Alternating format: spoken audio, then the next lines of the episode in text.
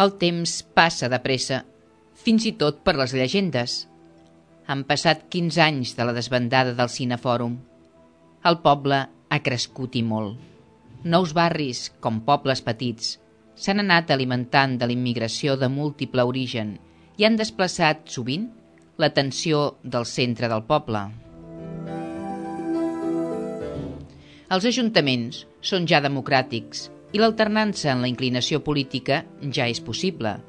Però el que no ha canviat és la animadversió que el poble té, per tradició, envers l'espai del claver. És un fet general, si bé molta gent no sap ben bé el seu origen. Els adults sí que ho saben, però els joves no ho entenen perquè, quan eren mainada, jugaven fora i dins l'edifici sense cap por ni perill aparent. Fins i tot anaven al cinema. Ara la mainada ni hi juga. L'era del claver és utilitzada per molta gent com a aparcament cèntric improvisat. Amb distàncies curtes, els comerços de la zona no han disposat mai d'un aparcament i aquell espai és tota una temptació. Les nostres vídues entranyables han evolucionat amb el temps. Si bé es trobaven totes les tardes per confeccionar alguna que altra peça de roba per vestir, ja havien passat l'època del punt de creu que començaven a canviar ja pel ganxet. Segurament que un o altre net aprofitaria la bànova encara per acabar. Ara les tardes ja no tenen res d'entretingut. Recordo quan mirar per la finestra era més interessant que el que posen ara a la tele. Quines tardes aquelles la gent mudada, cap a teatre, cap a cinema, cap a pastorets. Bons esglais varen passar.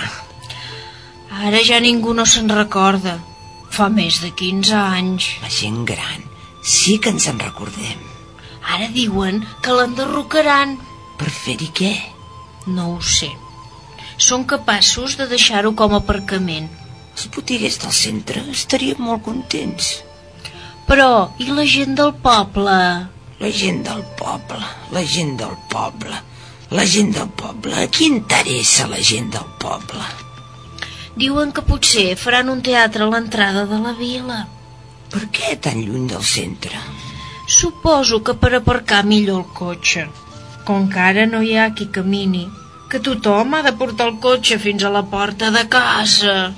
Però no creus que si fan un teatre nou l'engana estaria en fer-ho al mateix lloc on ha estat tota la vida. Jo crec que sí, però com que tu i jo no som qui per decidir... Que ens facin votar? No som democràtics. Ja tens raó.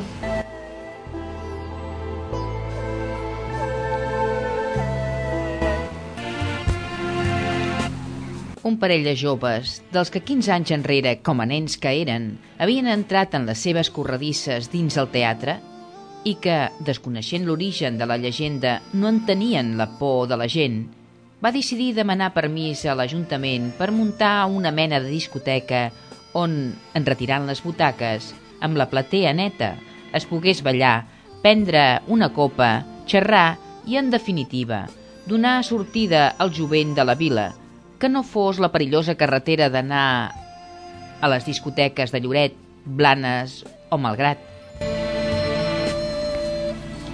La idea es va prendre seriosament per part de la Conselleria de Cultura. Sense cap càrrec de lloguer pel local, es donen, amb més celeritat de l'habitual, els permisos pertinents per fer els arranjaments necessaris. Cal portar a terme l'idea dels dos nois. S'ha de fer la discoteca al claver.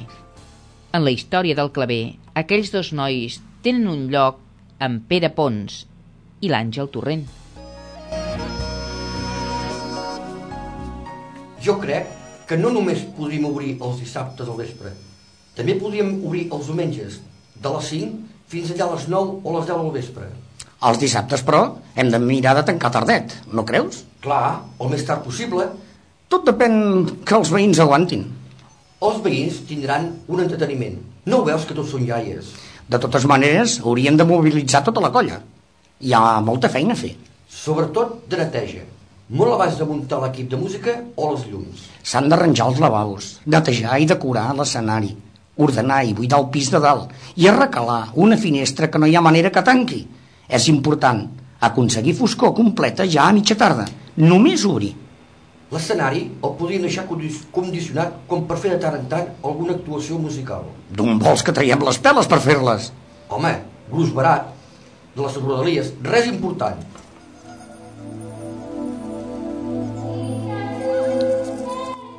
Al terra del pis de dalt hi havia una taca vermella, coincident amb una altra al pis de baix, que va ser impossible de fer marxar. També trobaren impossible tancar la finestra, però la solució fou fàcil. Posaren un tros de roba negra per la part de fora, res més senzill. S'instal·laren llums indirectes a per tot. I, com no, també la pertinent bola de reflexos, la qual, penjada entre les balconades del pis de dalt, al mig de la sala, picava l'ullet a tothom. Llums de color vermell, groc i ultraviolades, per tots els gustos.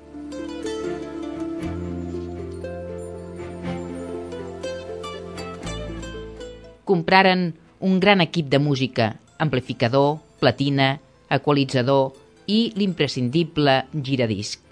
Els altaveus, força voluminosos, es distribuïen per tota la sala. Un cop acabada la feina, la discoteca feia la seva patxoca. La barra del bar, amb dues neveres plenes de refrescos i tot d'ampolles de diferents begudes alcohòliques, era el detall final. Aquell bar, juntament amb la venda d'entrades, eren els punts d'ingrés econòmic. D'allà havien de recuperar aquells joves tota la seva inversió.